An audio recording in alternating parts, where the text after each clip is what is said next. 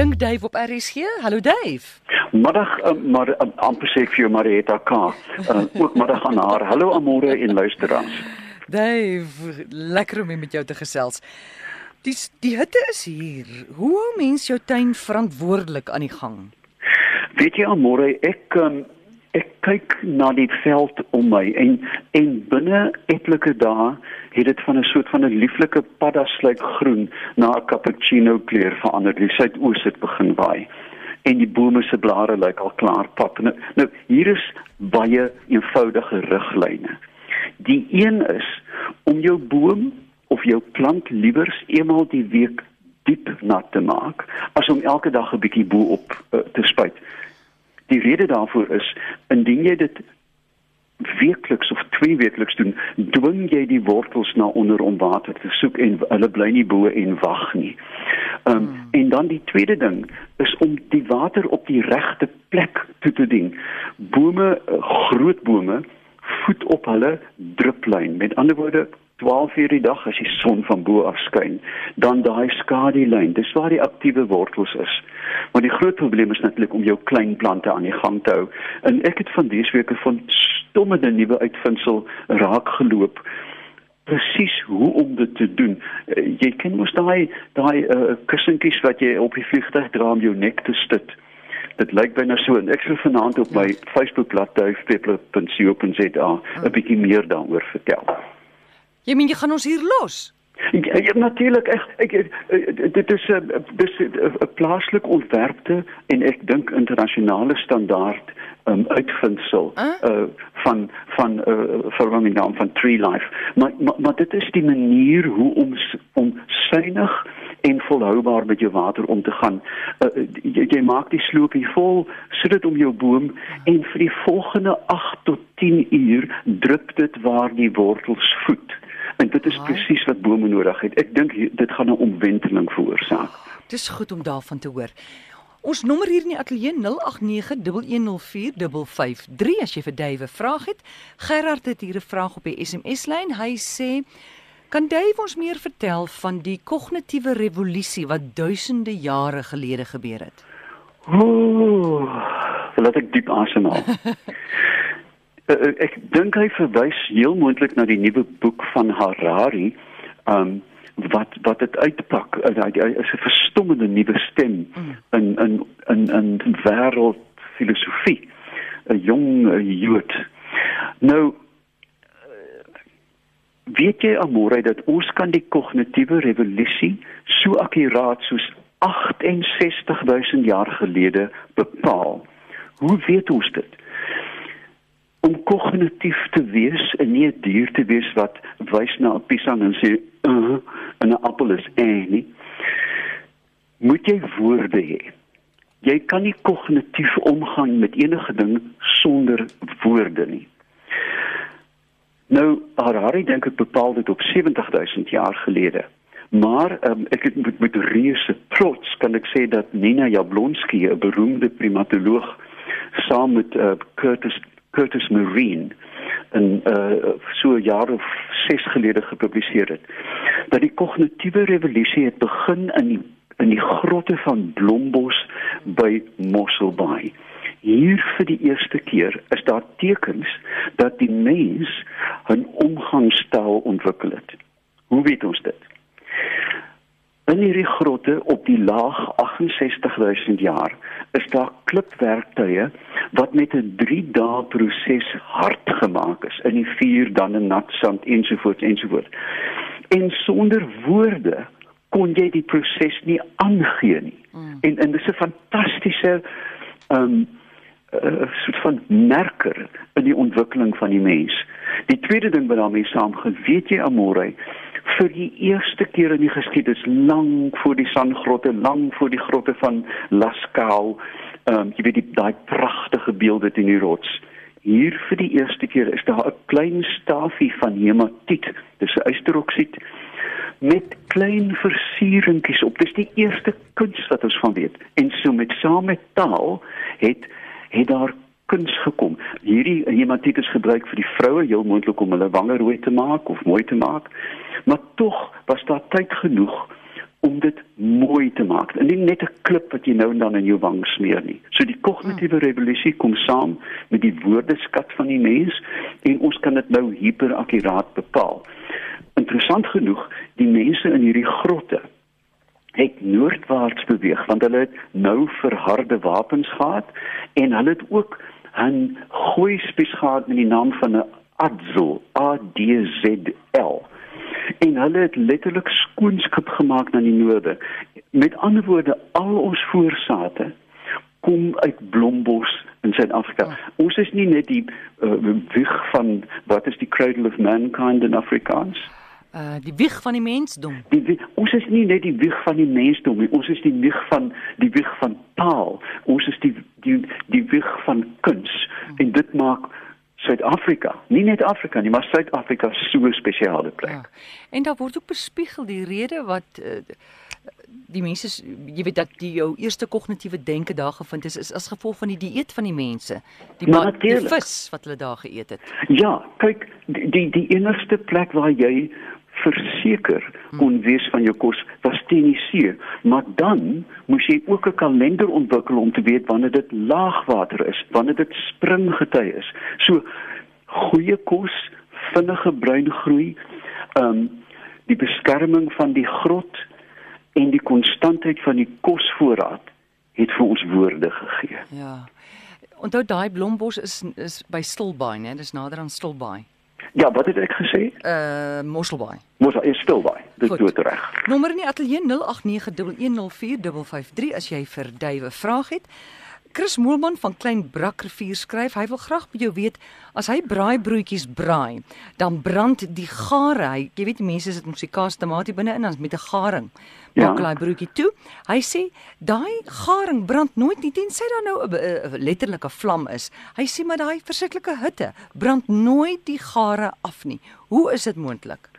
Brood, ek kan nou nie vir jou baie akkuraat sê nie. Ek ek, ek dink nou en ek sê hard aan my duim maar vars brood en kyk Amore dit moet jy dan weet as jy 'n braaibroodjie maak moet dit die witste brood op aarde wees met mm. kaas en tamatie ja. daarop. Och en eie. En en eie mm. natuurlik. Nou brood bevat ontsaglik baie water. As jy 'n uh, 'n uh, skyfie brood in jou rooster sit en na 3 minute kom hy die helfte ligter uit. So hierdie broodjie is omgewe met 'n klein wolk wolkie van van water wat afgedryf word. As jy lank genoeg en hoog genoeg die brood totaal uitdroog gaan die gare begin brand. Maar terwyl hy rooster, is daar 'n wolkie van water of stoom althans hmm. om die gare en dis hoekom hy nie brand nie. Goed, Mimi wil hier weet sy sê wetenskaplik is dit vasgestel hoekom die sy in spinnerakke 5 keer sterker as staal is.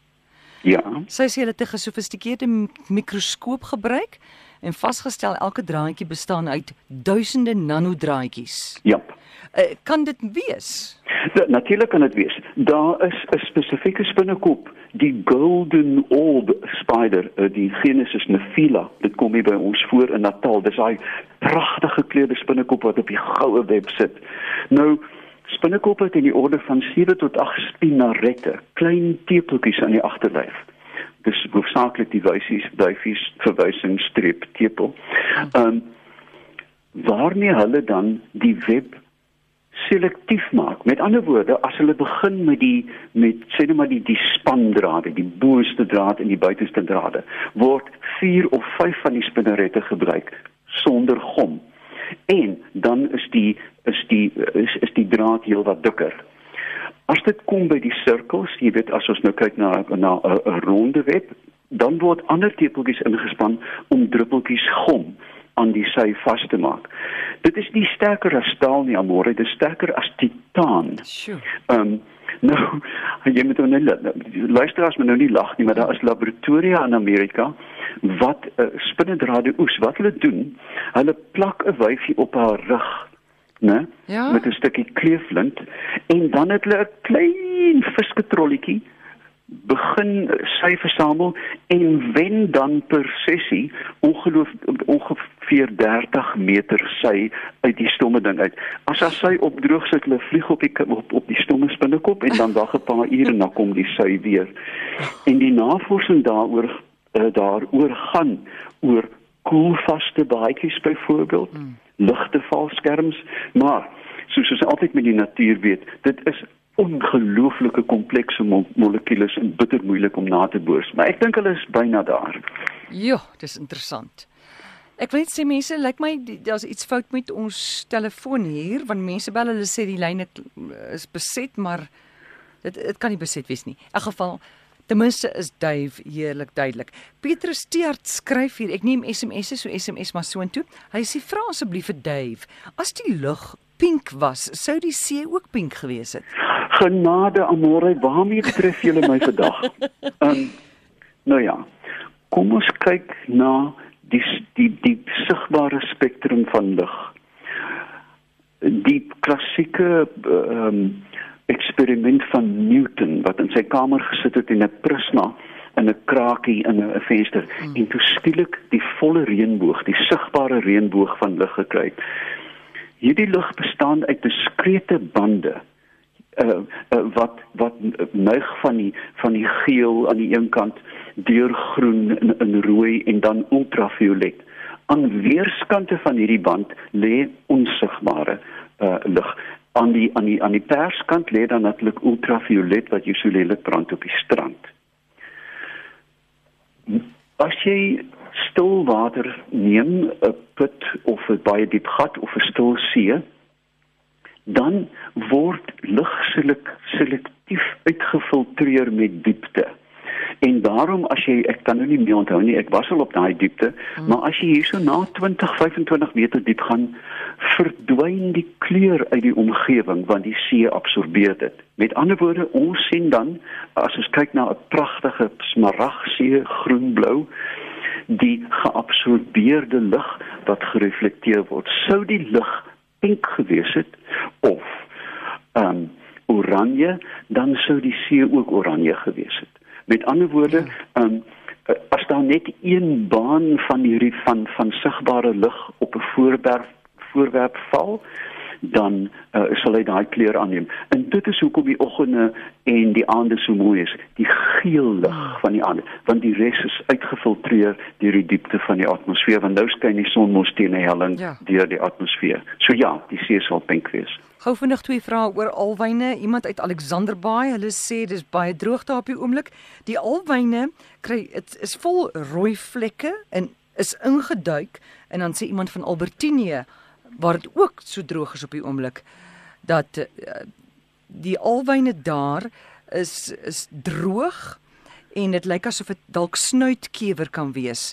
Hulle het breinvlekke. Wat dink ja. jy? kyk amore die die die, die alwyne wat hulle nou van praat daar soos alhou ferox die een wat hulle die die lekker veldmiddels van maak met uh, enige spanning uh, by enige plant um, raak die die plant se se beskermingsmeganismes al hoe swakker want die plant jy weet al die reserves gaan in oorlewing en nie noodwendig om um, om predatore en vreters af te weer nie. En dit is juist die tyd wanneer plante vatbaar is vir virusse. En ek vermoed daai kolle is dalk virusse hulle kry ook sulke groeisels. En dit is ongelukkig nie behandelbaar jy moet die groeisel afsny en liefs verbrand of in jig gooi of so iets want want virusse is taai. So um, ek dink uh, as dit nie reën nie, hulle sal nie vrek nie want hulle is ontsaglik taai. Maar dit is eintlik maar net 'n teken van die die die afskaal van die plant se vermoë om homself teen omgewingspredatore en patogene te te beskerm. Okay, so hulle moet dit uitsny en hy sal nie doodgaan nie. Nee, ek ek eh, as hy die groeisels kry, baie alwyne kry dit veral as hulle onder spanning is en dan moet jy dit hmm. met 'n baie skerp gesteriliseerde mes moet nou nie eers jy weet 'n uh, piesangskil en dan weer uh, aan die aan die alwyn sny nie. Ehm um, en dit netjies uitsny um, en dalk net die wond behandel maar alwyne het baie sap en hulle behandel hulle wonde self maar as dit erg is moet jy liefs die plant verwyder en verbrand want hulle gaan ander aansteek. Ja. Dave, baie dankie. Mondvol gewees vandag en môre. Lekker aand vir julle. Dankie, selde daar. Dis Dave Peppler en jy kan hom besoek op sy Facebook bladsy.